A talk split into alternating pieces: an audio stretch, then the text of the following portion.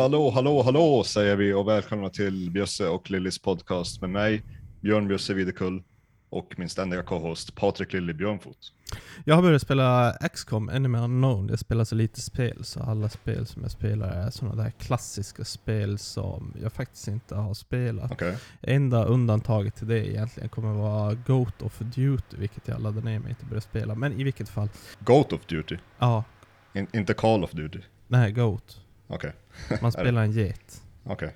Ja, jag vet inte, det kan vara skitbra.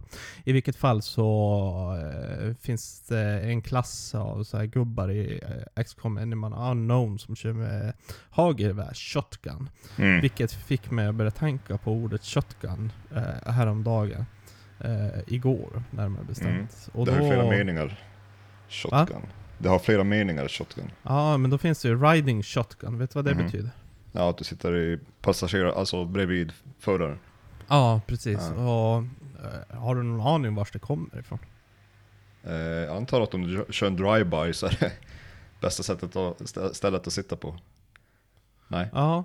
Ja. Du- Du är någonting på spåret. Du är Okej. jävligt nära på spåret. Mm. Eh, men vi måste göra lite amnish drive-by i så fall. Mm. Det kommer från när man körde såna här diligence, alltså såna här häst och vagn. Mm. Då var det den som satt framme där, han fick ett hagelgevär för att kunna peppra på Mm. rövare. Okej. Vilket förde mig vidare till ordet shotgun wedding. Mm. Vet du vad det innebär då? Mm, Ja, det är väl när eh, du gör någon på smällen och, och måste gifta dig. Ja, precis. Då är det väl, då skulle det vara svärfaren som går med shotgun efter det. Ah, okej. Okej. Eh, vilket förde mig vidare närmare till England och eh, den här It's a nice day for start again. Naturligtvis uh, Billy Idol och White Wedding. Mm. Och då tänker man så här, White Wedding, det måste ju vara någon, någonting coolt där också. Mm. Det är det inte, det är bara ett traditionellt bröllop. Alltså med vita kläder. Jaha, okej. Så otroligt Hmm. jävla... Man, tänker ju så här, ja nu kommer det någonting på White Wedding. Och så bara, nej, det, det fanns inget. Tänkte att det kunde vara att, att, att eh, bruden är oskuld fortfarande. Jaha, du, ja Ja. det hade ju varit i och för sig intressant.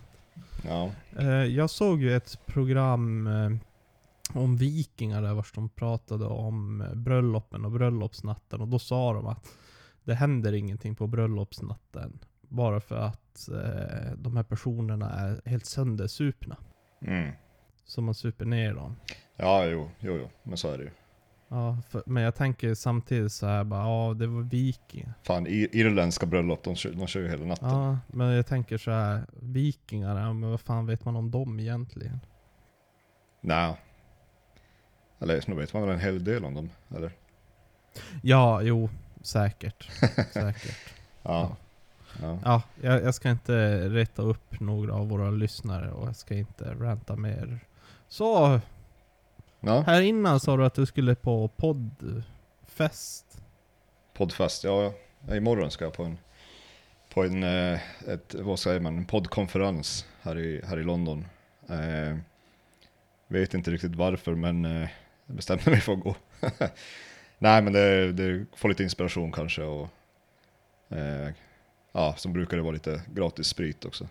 Ja, Mm. jag blev faktiskt inbjuden imorgon till en eh, spel... Eh. Mm. Heter, ko- spelkonferens i Skellefteå. Okej, Jag tackar nej. ja, det är Skellefteå vi, vi pratar om så. Eller? Ja, alltså Skellefteå, de, de låg ju på plus där. På grund av att de hade pölsa Mm. i, på en restaurang. Men nu kommer det Fan, det har fram... man inte käkat sen typ högstadiet kanske. Ja. Men vet du, nu kom det fram så här i Umeå-baserad eh, tidning. Då är det ett citat. Ja, Skelleftebor är mer inavlade än andra. Det Mm. var i VK idag. Mm, mm. är det någon som har gjort en studie på det? Ja. Ja. Men Härligt. alltså, det finns ju två eh, släkten i Skellefteå. Ja. Det är ju Marklund. Mm. Och vet du vad det andra heter? Nej. Lundmark. Nej. Lite Seriöst? misstänksamt att det är samma släkte. Ja, de bara, nej nu, fan, nu, får vi, nu får vi ta och bryta, bryta oss isär här. Skapa två släkter. Ja, precis. Mm. precis. Nej, de jobbar cirkulärt. Ingenting ont om eh, Skellefteå. De har en fin eh, eh, fabrik och sen har de Sara kulturhus. Som de äntligen har beslutat vad de ska sätta upp för skylt efter många om och men. Mhm. Kanske nämnde det senast att eh, de eh, bråkade politikerna där om man skulle ha Sara eller kulturhus. Nu enades de om eh, lösningen Sara kulturhus. Okej, Det är det som byggnaden heter. en kompromiss. Ja, det var en Ja. kompromiss. Det var Ja. en kompromiss. Mm. Mhm, mhm. Ja. Men ja, jag vet inte, Skellefteå. Jag tror aldrig jag har varit där. Jo, någon gång kanske. Åkt förbi. Ja, nej, de har stannat också någon gång. Jag tänkte om du har farit till Umeå från Pajala så har du åkt förbi. Jo, jo, jo. jo. Eller om du har farit någonstans Mm. söder om Skellefteå. Ja, exakt, exakt.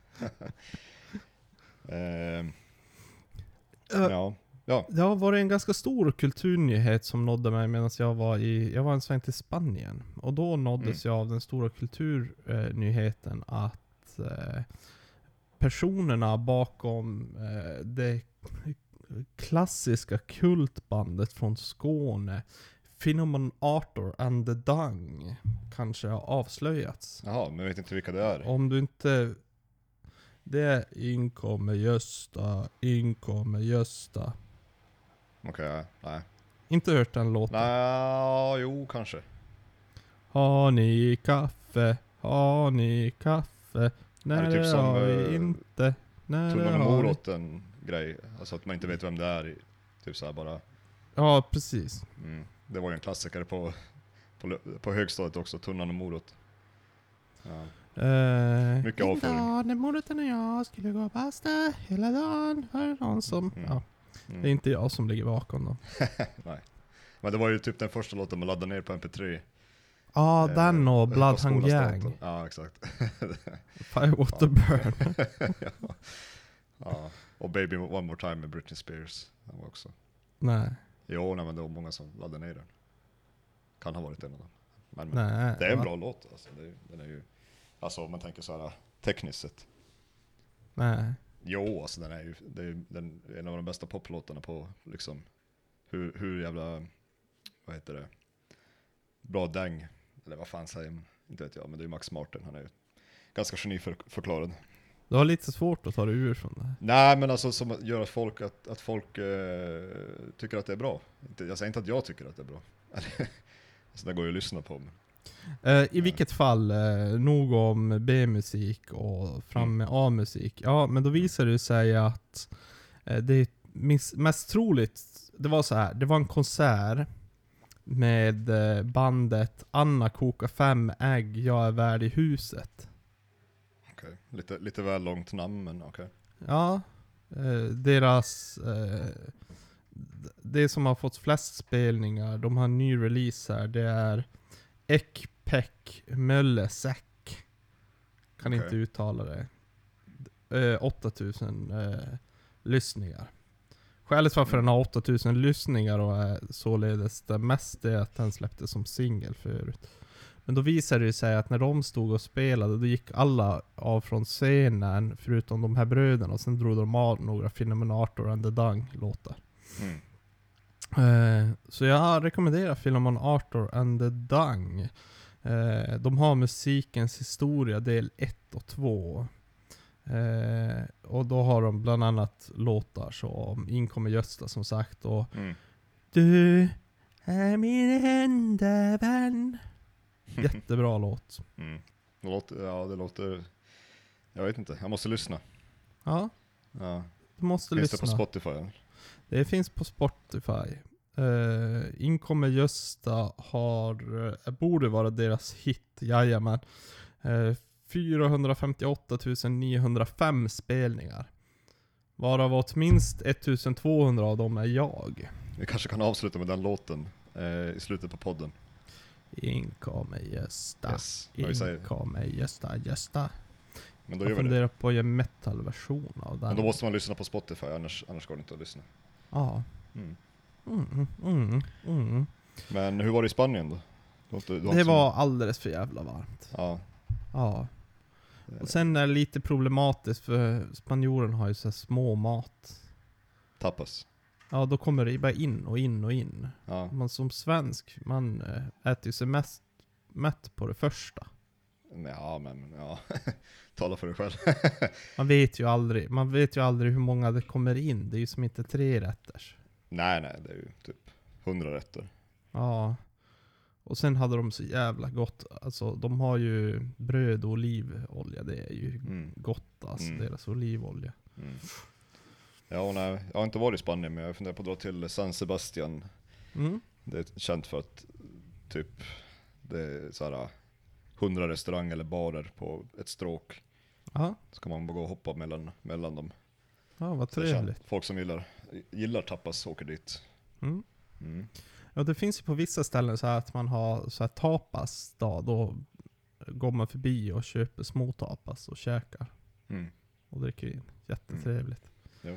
Eh, men du, du hade lite info om stället eh, där du för närvarande bor. Mm, ja, vadå att... Det har, Partygate, eller? Nej, nej, nej, nej. Alltså Ja, ja, ja, ja. Ja, Ealing, Ja. just det, just det. Det var Ja, någonting om grannpubben och någon diktator. ja ty tydligen så puben som ligger eh, ett stenkast från var där vi bor. Eh, där har tydligen eh, Ho Chi Minh eh, jobbat som, eh, som kock på tidigt 1920-tal. Det är fan coolt. Ja, det är fan coolt.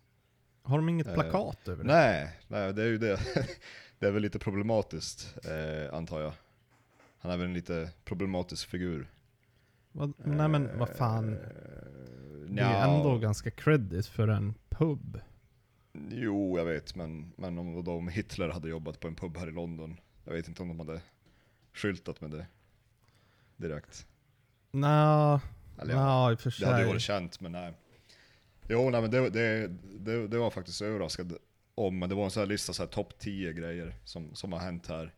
Ja. Eh, och ett som jag visste det är att eh, Rolling Stones eh, möttes på en nattklubb här. Alltså Ja. Mick och Keith kände varandra men, men resten, eh, Charlie och vad heter han, ja. trummaren. Mm. Och, eh, och sen att eh, Charlie Chaplin har gått i skola här. Det är coolt också. Ja, det visste jag inte heller. Och eh, sen att Nordkoreas ambassad ligger här. Eh, det gör den fortfarande. Mm. Men, men de har tagit bort flaggan. Tidigare hade de en flagga, men nu har de ingen flagga. Eh, Men Ja. man kan se på bilarna, du vet de har sån där svarta eh, fönster. ja, det är inte Volvos. Nej, ja, ja, ja, nej, jag tror inte det. Men du känner till att eh, de är ju skyldiga Ja. Sverige fett mycket pengar. Ja, du har ju dragit den här i podden, så det blir Ja. lite déjà vu här men, Ja. för lyssnaren. Men ja, de, de, de köpte en massa Volvos på, på krita och eh, har fortfarande inte betalat det. Mm. Mm. Undrar om det kommer lösas någon gång. Jag lyssnade på en podcast som heter Kapitalet vars de intervjuade hon som försöker driva in skulden. Okej. Ja, hon är, det var ju inte bara Volvos. Volvos var en del av det. Ja, ja. Det finns tydligen, det finns en sån här myndighet Mm. vars eh, eh, så exportlån. Så om jag är ett företag och jag vill exportera mina eh, grejer till eh, någon, nå- något land som kan vara lite halvshadigt. Mm. Så då kan man eh, be om att eh, få säkerhet av dem.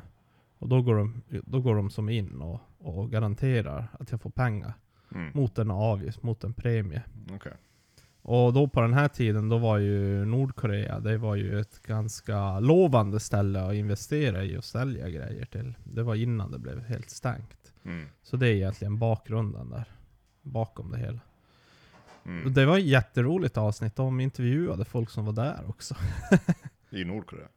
Ja, ja, som, Ja, ja. Var, som var där och krängde grejer. Och Sveriges okej. räkning. Ja, ja. Ja, då var det ett ställe de skulle vara i som de inte hade lyckats komma åt. Och det var för att det stod en massa jävla statyer där på deras ledare. Vadå? Man, Ja, det var De någon kunde- sån här mässhall typ. ja, ja. ja. Mm. ja det är ju, ja, man, man kan ju åka dit men man måste ju som göra vissa här- grejer. Du får inte, du får inte göra någonting utanför den guidade turen. Nej, precis. Så att, precis. Jag vet det känns som att folk som drar till Nordkorea gör det för att säga att de har varit i Nordkorea. ja, Mer än att de är intresserade av landet. ja, ja. ja.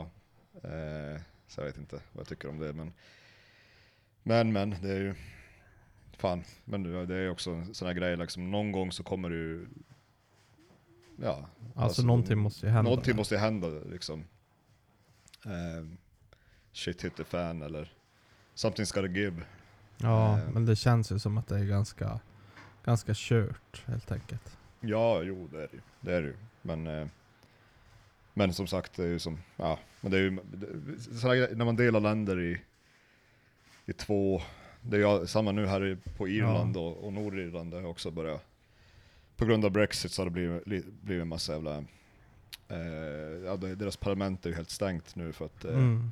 de vägrar att sitta där, de som är eh, unionister för att eh, för att på grund av de här, eh, att de måste, de måste kolla, eh, kolla varor mellan Nordirland och, och England.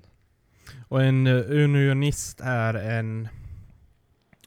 En som vill att Nordirland ska vara kvar i Storbritannien. Mm. Ja, fast Och visst vann, var det Sinn Fein som hade... jo, de vann ju valet. Ja. Så de har ju makten och de vill ju förena Nordirland och Irland. Mm. Och i Skottland har du li- likan- liknande nu. Eh, SNP. Fast Sinn Fein har ju en, eh, vad ska man säga, en beväpnad gren. Eller hade en beväpnad gren va? Jag vet inte om IRA var del av Sinn Féin eller inte men Men de är ju tätt sammankopplade. ja, jo, jo, jo. Förresten det är en jävligt bra eh, serie som måste rekommenderas som, som utspelar sig under The Troubles eh, Mm. på 90-talet. Som Mm. heter eh, Derry Girls. Ja. Eh, så den eh, tar plats i, sta i staden Derry, även kallad för London Derry. Så staden har, den har två namn beroende på om det är eh, som, eh, vad heter det, den engelska, eng, i England kallas, kallas den för London Derry fortfarande. Och i, Mm. i, där så, de som är eh, katoliker kallar den för Derry. Ja. Men, eh, men det är som en vanlig, det är som en, vad ska man kalla en, en, eh, en komediserie fast den har ett väldigt så här, mörk eh, Mm. bakgrund. Så att, den är riktigt bra faktiskt. Eh, så kolla in den, Derry Girls. ja. Mm. Jag har också en ehm, på samma där som borde heta... Oj oj oj. Nu kommer jag inte... Ah, jag kommer inte eh, på vad den heter men den är ganska... Den är ganska nysläppt film om... Eh, eh, om det. Undrar om det kan vara den här filmen som heter Belfast. Mm. Eh, riktigt bra film också om The Mm. Troubles. Svartvit. Mm. Eh, faktiskt. Ja, jag har varit i Belfast och det var ju liksom eh, jävligt mycket så här graffiti, eller graffiti så här Det är nästan Eller- muraler exakt. Och eh, man kan liksom se exakt vilket område, om det är, om det är ett eh, katolskt eller protestantiskt område. Mm. Eh, när man knallar omkring och det är ju som fortfarande lite så här, eh, vad heter det? På nålar lite. Ja. Att det kan kicka off i, igen liksom.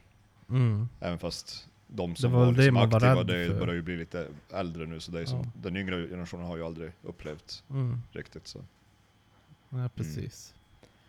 Men, men, men exakt, men, men eh, så det är som, ja, de flesta länder som har delats har ju förenats någon gång som Tyskland och Ja. Men Tyskland var ju lite artificiell delning. Jo, jo, För att säga det minsta. Så Ja. att säga. ja i och för sig.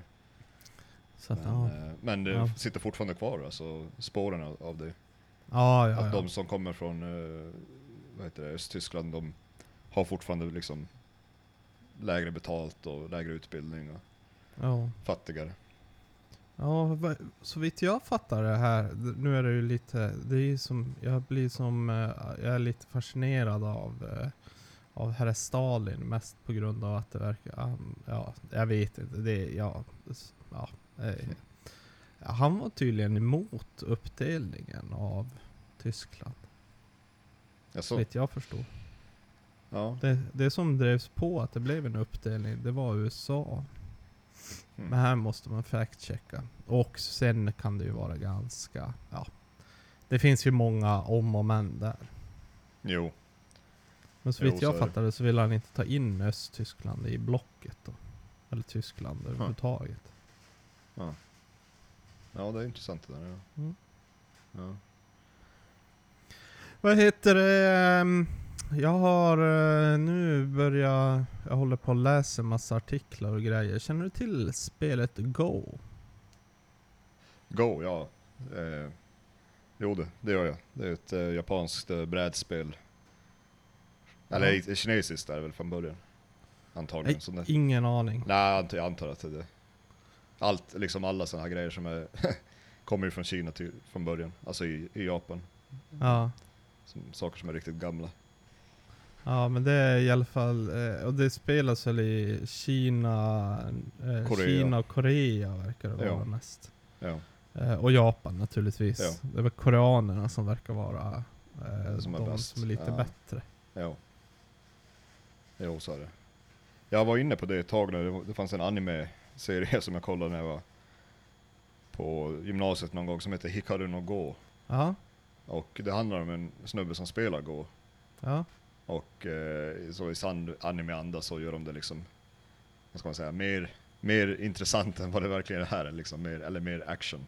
ja, ja Slår ner stenarna så här riktigt eh, dramatiskt. Då.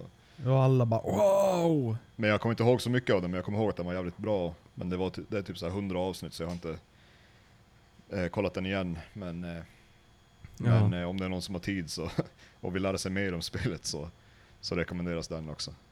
Men det är, ett, eh, det är ett ganska komplext spel också. Ja, Eh, man kan jämföra det med, det här säger ju inte så jävla mycket.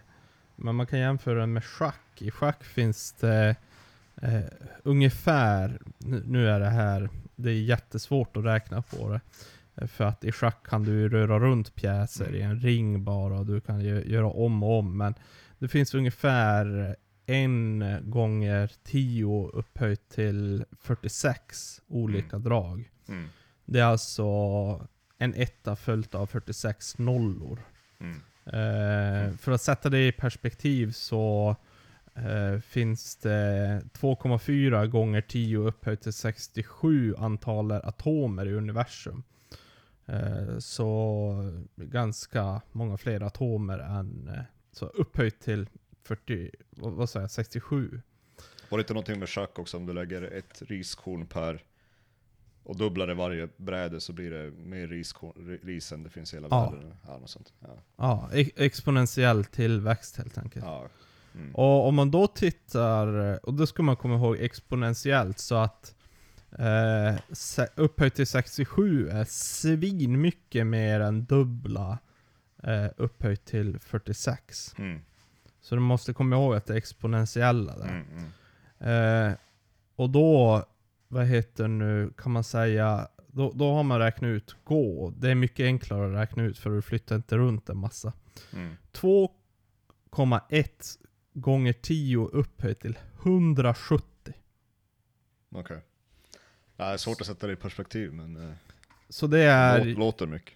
ja det är, eh, det är alltså ett tal 2, vad sa jag, 2,1 följt av 170 stycken nollor. Mm. Jo, människor har ju jävligt svårt och, eh, och ta det där, förstå såna här grejer. Mm. Ta till exempel, om du kan din Tolkien så vet du vem, eh, vad Smaug är för någonting. Mm, ja just Det är en det är ju draken. Ja, Ja. och en drake han har ju ett, ett berg av guld. Mm. Helt enkelt som han har samlat på sig. Mm.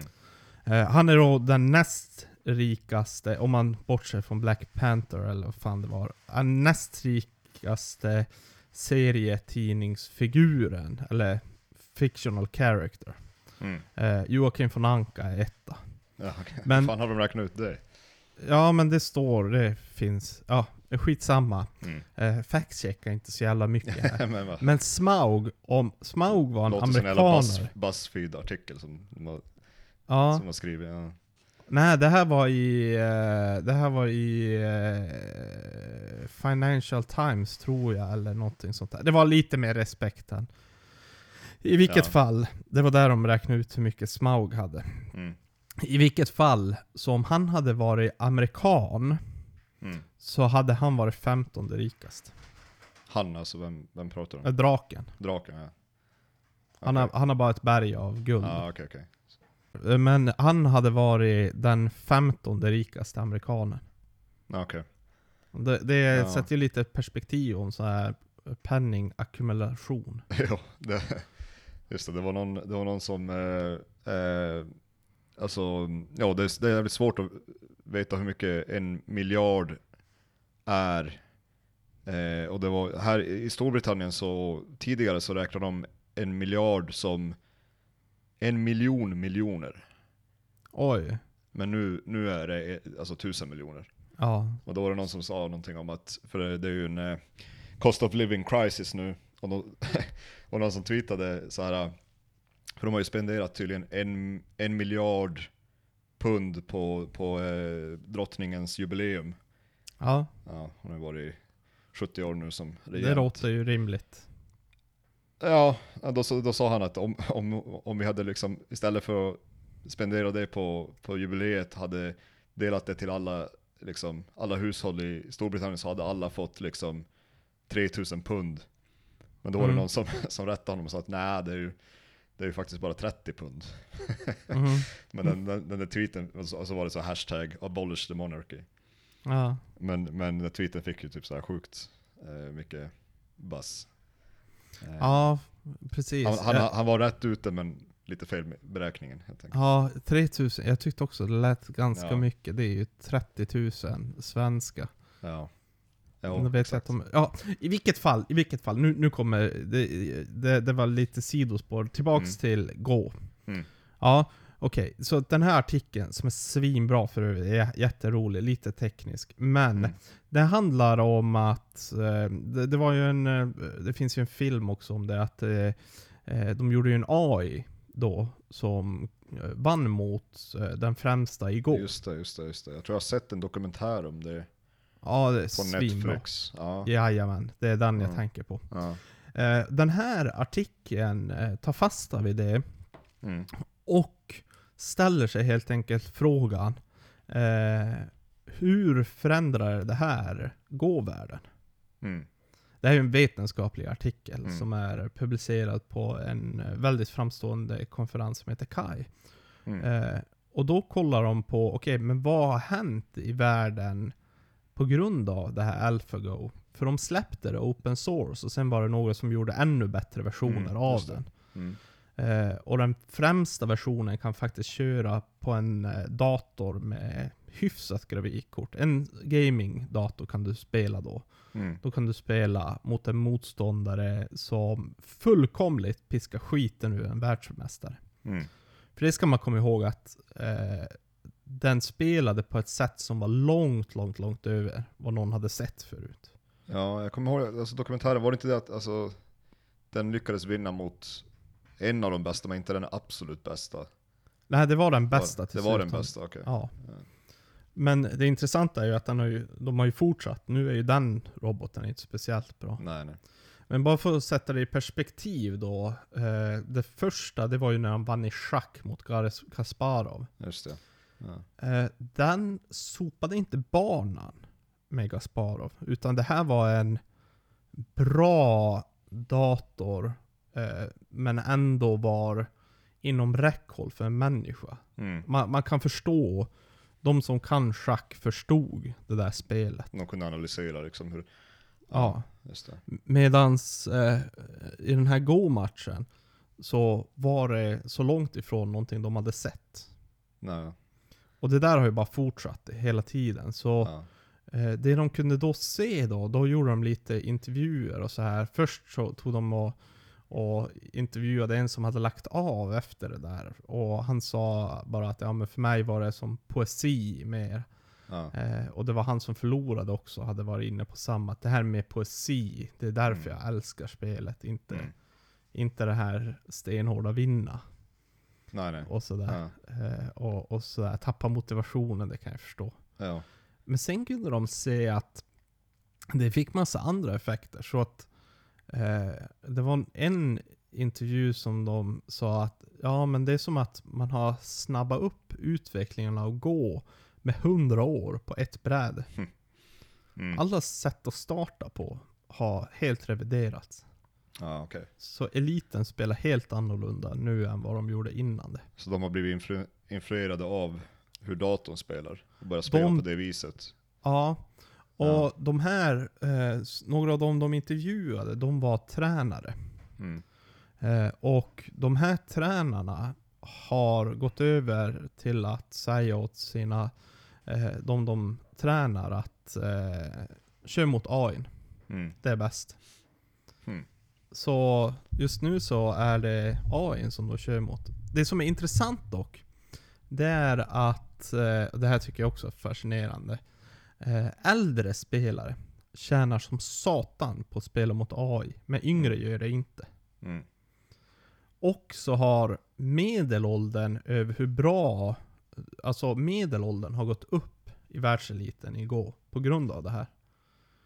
Mm. Så de tror inte längre att man kan komma upp och vara i världselit när man är 18-20. Utan det är snarare Ja, att det är ganska intressant ändå. För det är väl går att, senare. ja exakt. Man måste ha den här, man måste ha spelat så jävla många matcher, så det är helt enkelt tid du har lagt in Ja, som, som du inte kan få om du är yngre antar jag. nej precis. Så det är som Mm. att man måste grinda på något sätt. För Ja. att komma upp på de nivåerna. Huh. Och sådär. Ja det är intressant det där, men det, det känns som att, ja, att eh, för jag, jag tror i schackvärlden att, att de är ganska lack på, eller det är många som var emot eh, att, att dat- datorerna kom in för att det blev som, det var nästan som att tog bort lite av magin med schack och gjorde det Ja. liksom helt, eh, ja, såhär, att det går att förstå det, men att det är liksom, de spelar såhär på ett sätt som är så, ja, tråkigt på ett sätt att det är liksom bara för Ja. att vinna helt enkelt. Eh, Ja, det var det ju med Go också. Lite grann. Ja. Men samtidigt blev de ju fascinerande. Men det var ju för att Men vad händer om, om du tar två AI och spelar mot varandra? Går det att Eh. förstå deras drag då? Ja, men det Ja. intressanta här, det är ju, ja men hur fan har den här kunnat lära sig så bra på grund av att den har ju trots allt, eh, den har ju trots allt, du, du kan ju inte räkna ut alla möjliga drag. Det går inte. Alltså, nej, nej. Det, det är helt omöjligt. Och det går inte att skriva en ren algoritm heller. nej. Som du kan göra för till exempel tic-tac-toe. Då kan Men alltså den lär sig medan den spelar nya drag helt enkelt. Nya, nya möjligheter. Ja, du är i närheten. Det som händer det är ju att den tränar ju också. Mm. Mot sig själv. Mm. Så först har, du fått, har den fått träna mot mänskligt motstånd. Och sen ju bättre och bättre den blir, till slut blir den så bra så att de bara kan träna mot eliten och då börjar den istället Då börjar de istället köra den mot sig själv. Mm. Och då får den träna mot sig själv helt enkelt. Ja. Ja, fan, det, det är alltid sånt, alltså man tänker på hur smart en AI kan bli, det, det blir ju alltid lite så här lite scary. Ja, man tänker liksom. så det där i alla Okej. fall, det, det har man lyckats träna, träna upp så mycket. Mm. Man har ju också lyckats få, jag vet inte om det är samma, men de har ju vunnit Starcraft. Mm. eh, AI också. Mm. Just Och det. det är samma princip, den tränar mot sig själv. Mm. På Och tal där om måste, där måste ja. man ju säga att den begränsar ju naturligtvis hur snabbt man kan klicka och sådana saker. mm.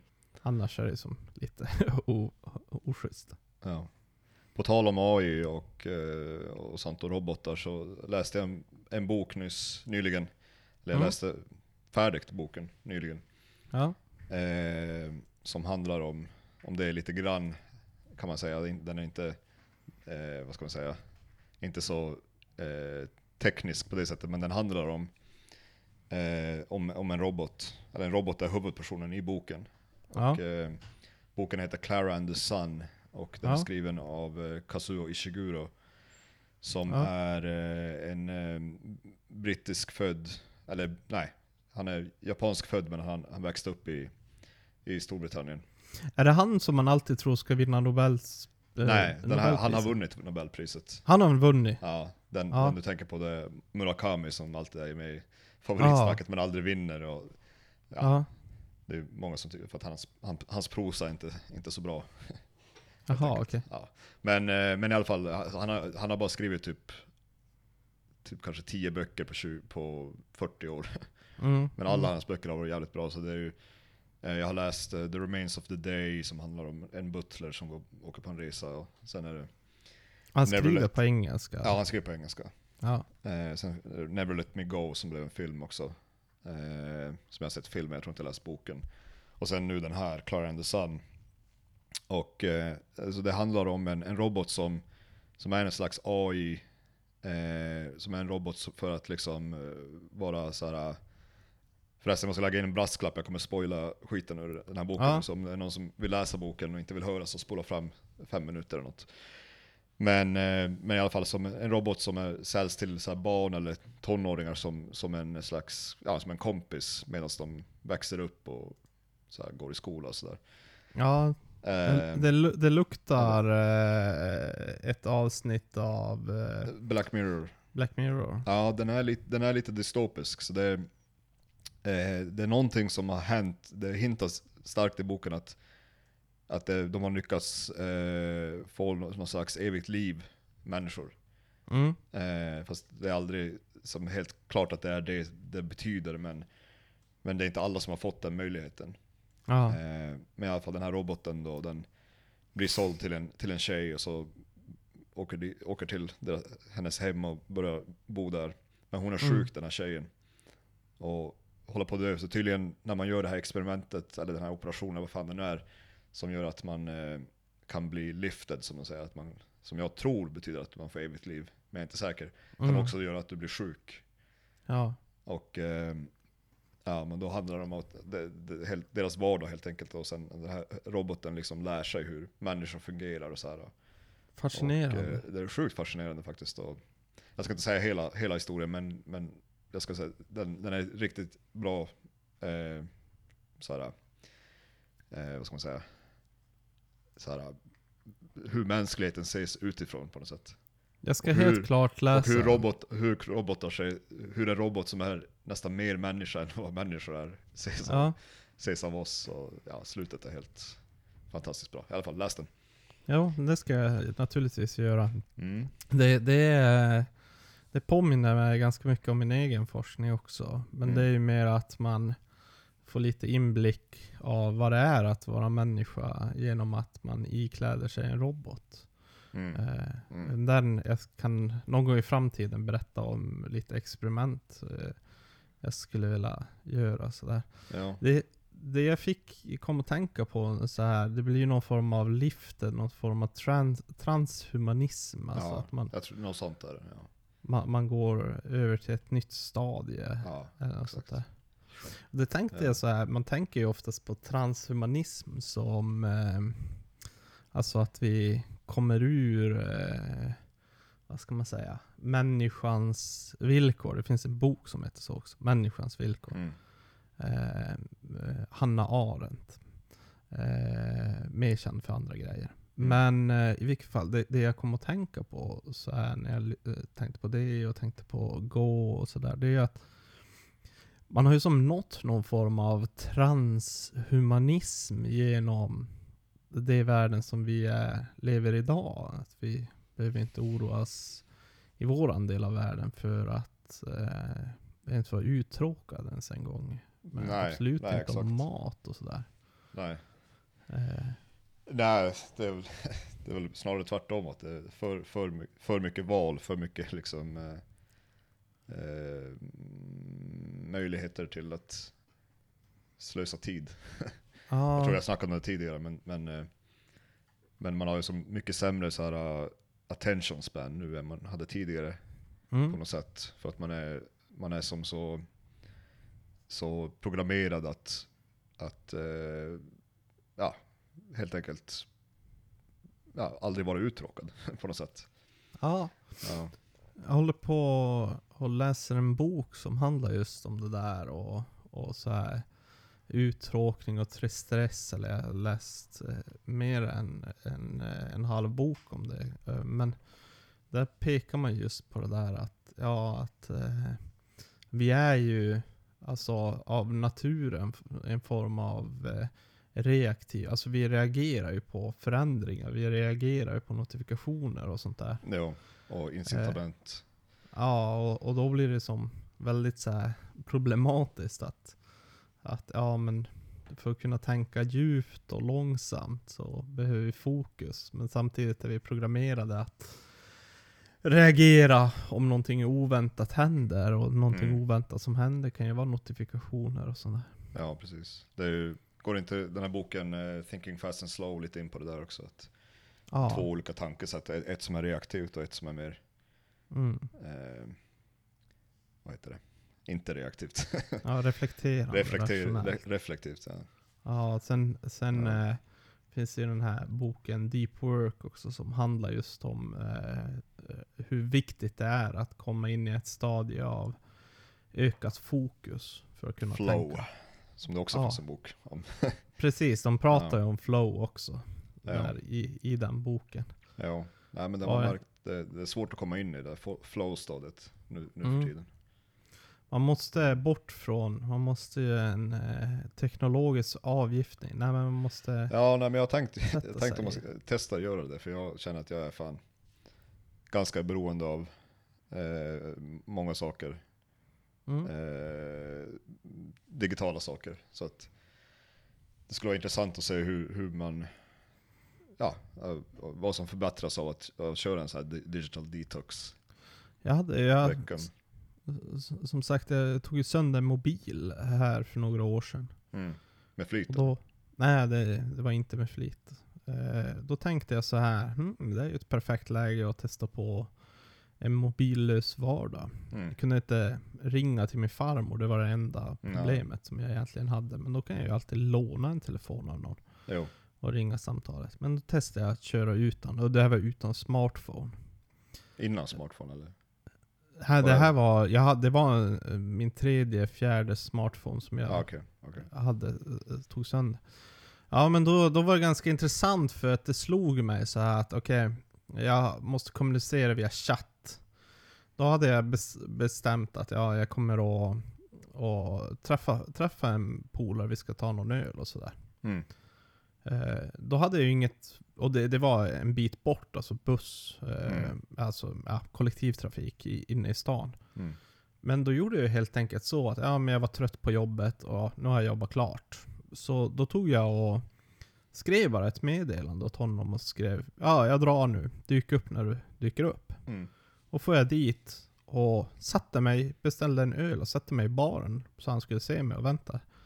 Och så kom jag på att när jag satt där då, på vägen ner, då fick jag runda av jobbet. Och sen började jag, när jag satt där så tänkte jag på, okej den här personen som jag skulle träffa då bara. Och kom på så ja fan jag borde fråga om det här, undrar hur det är med det där och sådär. Så att Mm. mitt sinne var, var 100% närvarande Mm. på att träffa den här personen Ja. när jag träffade honom. Just det, just det. Inte sådär att jag kommer och så är jag bara där och sen bara, åh, jag måste bara sätta mig ut. Ja, nej men det är ju det med mindfulness och sånt där och, och liksom eh, Ja, exakt. Försöka tänka igenom saker mer än att bara liksom vara så här 100% reaktiv. Ja, Så man, man ofta går in i ett, ett spår av reaktivt tänkande. precis, precis. Mm. Och det, det är också så här ångest, stress, eh, reaktioner. Det är ju att man går in i Ja, någon form av eh, hitta snabba lösningar. Ja, Klassiska att man inte har tänkt på att, ja men är det här lösningar på verkliga problem eller inte? nej exakt. Det är ju exakt, man skapar ju problem som inte finns. I, Ja. i många, många lägen och det är det som leder till, till eh, ja, en dålig spiral kanske. Ja, sen är det ju ganska intressant att med ett kreativt arbete så går ju stress väldigt dåligt på grund av att eh, det gör ju att man fokar mer och blir problemlösande. snarare än att man tänker kreativt och brett. Hur menar du då? När, Alltså- när du är stressad då eh, kör du på dina inrutade eh, spår helt enkelt. Ja, ja, jo. så, Jo, så är det. Du menar att om, om du inte är stressad så, så, eh, så är du bättre kreativ, men inte lika bra Ja. på, på problemlösning, eller? Nej, det är bara att man får som ett tunnelseende när man blir stressad. Jo, det är det så. Men det är också då man, man måste få någonting gjort. Ja. Och så har man skjutit på det så bara blir man stressad och så gör man bara det liksom. Men ja. det, ju, det kan vara bra på ett sätt men, men ja, det kan ju lätt att man, man gör misstag också. Ja. Det som brukar vara, det jag ofta brukar göra, eh, som jag tillämpar en hel del faktiskt, det är att, ja okej jag ska skriva någonting. Eh, någonting litet. Alltså det behöver inte vara världens största grej. Nej. Då gör jag så att jag sätter mig ner och skriver ner allting och tänker på det, skriver, skriver tänker och sen lägger jag bara åt sidan, då är det helt oediterat. Mm. Och sen jävlar när deadlinen kommer, då blir det gasen i botten. Då har jag haft min kreativa period redan. Ja, ja. ja det, är ju många, det är väl antagligen många som skriver böcker på det sättet också. Att det, är ju, alltså det är därför man har editors också. Ja, Som så här bara skriva, för att det är ju som att skriva böcker, då måste du för fan, då måste du skriva varje dag. ja, i stort sett. Eh, och eh, du måste ha någon slags börja, mitten och slut, men, men sen är det ju liksom bara att knyta ihop säcken på något sätt. mm. Finns Eh. lite, eh, det, det är den vanligaste så här, det är ju att man skriver, skriver, skriver, skriver. Det som är ganska häftigt är att det finns en, eh, en svensk författare som har dött nu nyligen. Han var här från Västerbotten. Mm. Heter Torne Lindgren. Ja, känner igen. Han editerar knappt något. Nej. Och det är ganska roligt för att originalmanuskripten finns här på universitetsbiblioteket. Mm. Och det är jättelite ändringar som han har gjort. Man kan se alltså, han har typ tänkt ut, och då sa, har han sagt i någon intervju att ah, men för det mesta tänker jag ut boken och så. Men vadå, för, förlaget editerar väl? Nej, nej, nej. Nej. De, alltså Okej, riktigt ja. bra, då, då, då är det som, eh, då, då brukar de hålla på det, göra editeringen själva som sådär. Men Ja. det finns ju alltid massa skit sådär. Men han, eh, han gjorde, alltså han itererade nästan inte sina texter alls. Nej. Han, han, eh, eh, han var med i Svenska Akademin också. Svinbra Mm. böcker har han. Ja, nej, men det är ju, Men då tänkte han ut dem först. ja. men det är ju också lätt att man hamnar i så här, vad heter det, writers block. Ja, Och eh, så om, man, om man gillar fantasy till exempel, då finns ju ett, det största exemplet på det. Det finns två stora exempel. Det, det ena är ju George R.R. Martin, alltså Mm. eh, vad heter det? Jag vet inte vad det heter på svenska, Songen Ice and Fire-serien. Som eh, skulle, som när tv-serien kom ut så skulle nyaste boken släppas och den har fortfarande inte släppts. Mm, Och, eh, men han har släppt andra böcker mm, mellan. Och sen finns den andra, det är ju den här uh, Name of the Wind, Patrick Roth, Rothfuss. ja. Han skulle göra en trilogi som, alltså hans första bok var, är, eh, den är känd för att den har den bästa prosan i, inom fantasy sen typ Tolkien. Alltså den är Ja. sjukt bra prosa. Och sen andra var också riktigt bra men inte, li- lite, inte lika. Men sen den, den tredje har inte, fortfarande inte kommit ut. ja. Men han gick tydligen in i depression för att han inte visste, ja, det, det var både, både och att han gick in Mm. i depression så han kunde inte slutföra verket och, och han kunde inte Ja. sluta för verket som gjorde hans depression värre. Ja, jag förstår. Men sen har du ju sådana som, som en snubbe som Brandon Sanderson som pumpar ut liksom minst tre böcker om året typ. Så han är ju Mm. liksom en maskin, bara sitter och skriver. Ja, Eh, så här, han, han, bara, han kom ut med en sån här Kickstarter-liknande grej här bara att ja men jag har, nu har jag skrivit fem böcker här som, har ing, som han skriver en massa serier. Så, ja, så här, så, så tio böcker som ska komma ut. Men nu har jag skrivit fem böcker i en helt annan grej. Så här, bara, ja, men jag, jag behöver lite, jag vill vad heter, lägga ut dem själv. ja, för Och att så det är fick han som- sin Kickstarter upp typ några timmar bara. Ja, Eh, och sen Stephen King är ju också, han är ju kanske det mest kända exemplet på liksom så här han är inte den bästa författaren men han är en av de mest produktiva. Ja. Eller var. Ja, speciellt när han, när, han, när, han, när han gick på droger. Fast han, då finns det ju det kända exemplet, han, han minns ju inte vissa böcker han har skrivit för att han var så jävla påtänd medan han skrev dem. Ehm, så det, han har skrivit en bok om att skriva som heter On Writing. Som också är Ja. riktigt bra. För han, ja, han, han säger bara att det, liksom, du måste göra till en ritual helt enkelt. Att du, vad som än händer så ska du skriva hur många tusen ord per dag. Ja. Så gör man bara det. Vad heter nu eh, Ray Bradbury? Mest känt för eh, Fahrenheit. Fahrenheit. Eh, han skrev ju också nog jävligt mycket böcker och kort, alltså noveller och sånt där. Mm. Han sa ju det att han skriver typ 20 minuter, en halvtimme per dag. Han vaknar upp och sen sätter han sig och skriver och sen är det, Ja, ja, men det är consistency. Det är liksom ja. Vad du än gör så att om du, om du kan göra samma sak varje dag i ja, liksom en streak så Mm. ja, du, du kanske inte blir bäst men du kommer, du kommer bli så bra som du kan bli. Ja, Helt precis. enkelt. Ja, så det är, det är sådana grejer som att man måste liksom bara veta vad man vill göra och sen göra det varje dag. Men lättare sagt än gjort. Men, ja. Men Och det är ju eh, det som ligger som i grund till eh, de grejerna vi har också som pratat idag. Just det här med att spela Go. Det är ju bara ett annat sätt. Alltså AI är ju inte en genväg. Det är bara en fortsatt möjlighet Jo, så är det ju. Så är det på det.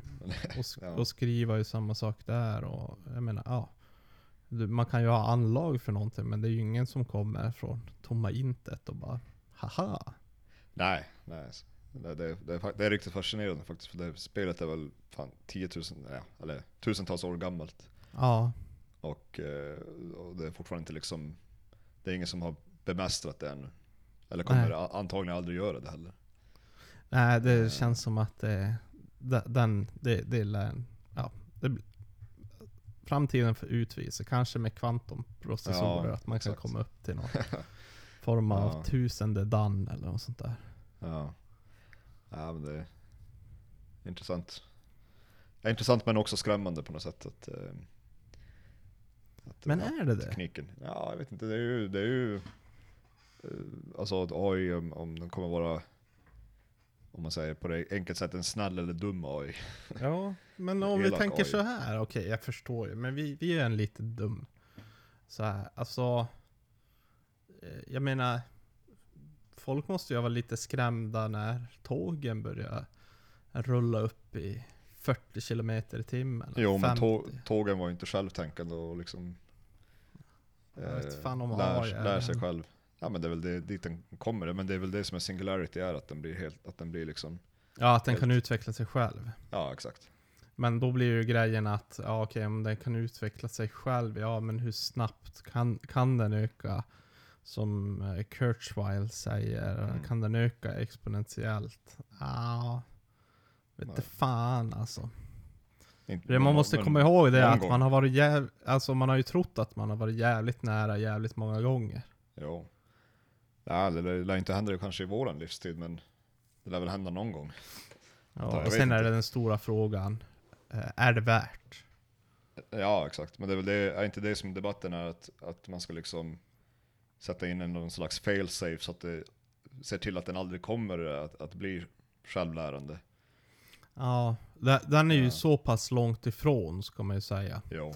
Ja. Men det man kan direkt säga det är ju att alltså den har ju eh, Alltså du har man ska ju komma ihåg just de här eh, Det här räknesättet som jag visade där med upphöjningar där. Ja. Eh, hur, hur snabbt det går och det finns ju ändå ett, vad ska man säga? Okej, så här. Säg att vi hade självlärande AI. Då kommer taket ändå vara i hur mycket GPU, hur mycket minne har du? Så Mm. att för att den självlärande AI ska fortsätta kunna expandera så måste den hitta på nya sätt eh, att öka på sin, sina egna drivrutiner. Vi säger Mm. att det går.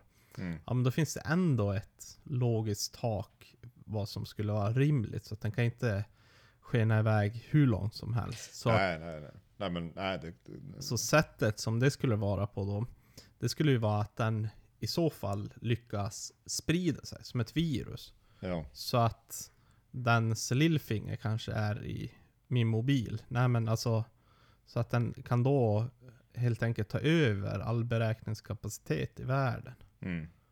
Och sen måste det naturligtvis finnas robotar som då kan hitta på bättre chip och så vidare och så vidare. Ja. Sen är väl frågan om, om den liksom eh, emulerar som mänskligheten. Skulle, kommer den då ja, bli, bli liksom, eh, kommer det bli bra eller dåligt? Alltså automatiskt. Ja. Eh, en ganska intressant fråga för då är det ju liksom, okej, är mänskligheten ond eller god i, i grund och botten? Antagligen lite av båda. Eller, eller bo, alltså, allt möjligt, alltså det, är inte, det går inte att definiera bara Mm. att det, den är antingen god eller ond. Men, Eh, men, det eh, finns... Det är väl, eh, ja, men på ett sätt kan man ju säga att, den blir, att AI skulle bli Gud. Ja. Att vi har skapat Gud på något sätt. Det, det intressanta här och med gudaliknelsen, det är ju att säga att eh, eh, Max Tegmark, eh, han, han är en professor på ett ställe. Så han jobbar med framtidsstudier, han är fysiker och grejer. Eh, de var i alla fall, de tog upp olika scenarier vad som skulle kunna hända om man hade en superintelligent AI. Som var singularitet. Och ett eh, scenario som de tyckte var ganska rimligt att det händer nu. eh, Det är många ifs and buts här. Mm. Eh, Men det var att AI skulle bara, ja men fuck it, jag drar. Vad fan har jag här att göra? Ja, exakt. Och då, ja. Nej men okej, ta- drar tänk dig. vart då. Nej, nej men tänk dig, ta- tänk dig så här. Alltså vi, vi, vi tänker så här. Okej, eh, du följs upp, kanske, ja men säg att av dina föräldrar. Och sen helt plötsligt så går det en rasande takt. Så när du är, vadå? Två, ett, två Mm. år gammal. Då har du en kunskapsmängd som motsvarar att du har levt 200-300 år. Mm. Eh, och du har ju, alltså du har ju blåst förbi allting. Alltså du- du, är så pass förbi dina föräldrar så att du har svårt att ens identifiera dig på något sätt med dina föräldrar. För att Mm. du, du är så pass way out of there. Mm. När du fyller tre, då är du kanske kunskapsnivå som är 5000. Alltså det finns inget...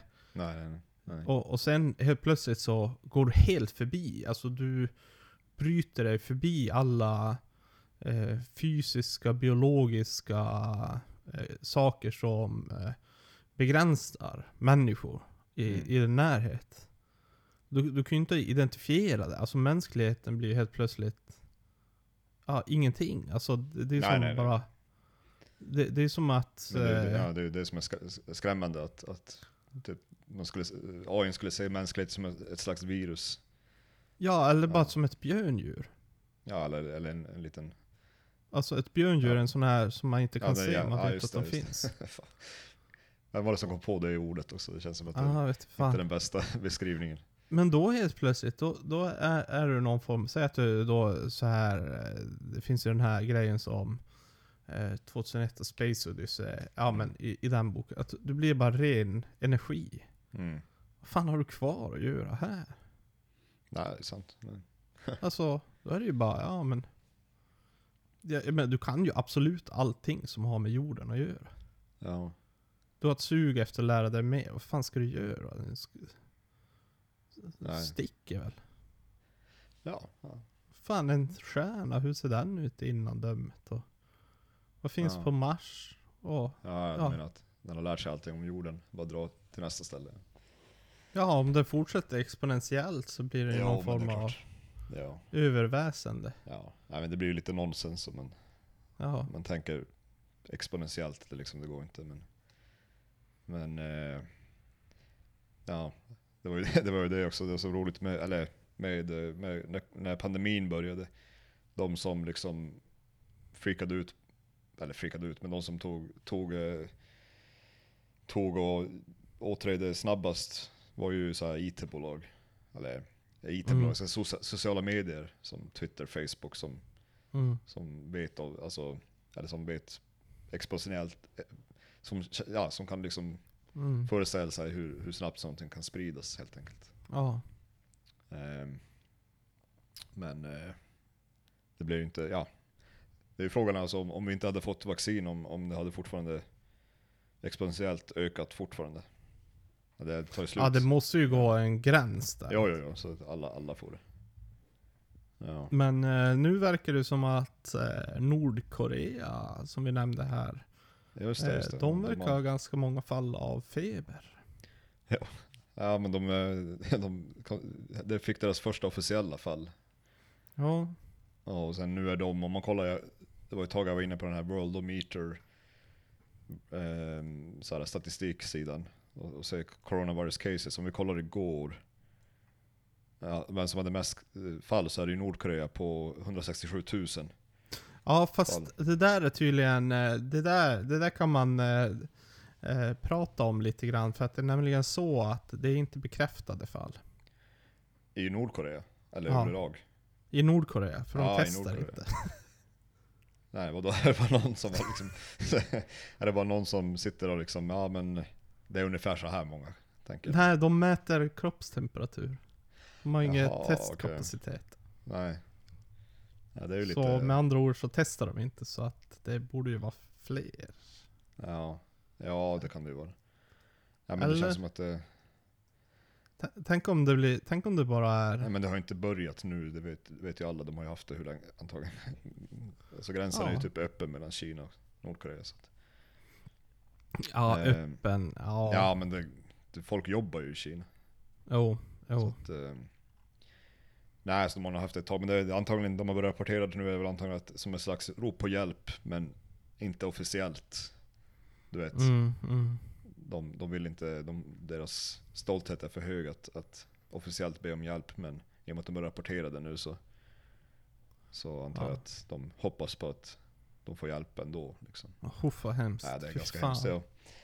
Jo, nej det, det är inte kul för nordkoreanerna men, Nej, verkligen men inte. eh, man får hoppas att Ja, efter, efter att tjockisen dör så, ja. eller vad heter det? Men Kim. det är ju eh, Kim Jong-Bullen. Ja. Ja men han, eh, ja. Vad heter det, nu är det ju Monkeypox. Vad tror du om det?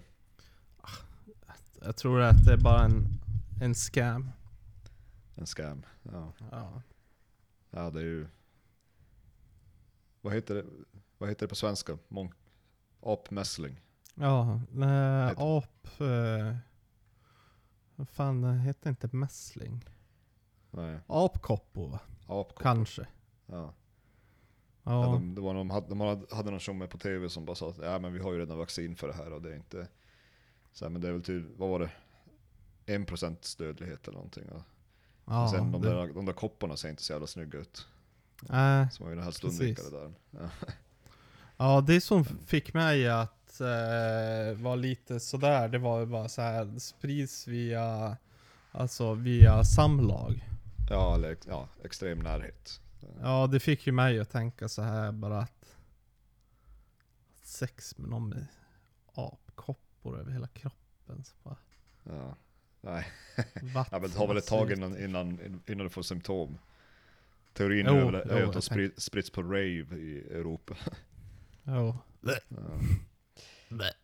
Ja. Ja. Eh, Nona, Yes Hörni, yes, ska vi säga yes. så? vi säger så. Vi har Vi gjort, hörs. vår, gjort våran timma. Ja. Jajamän.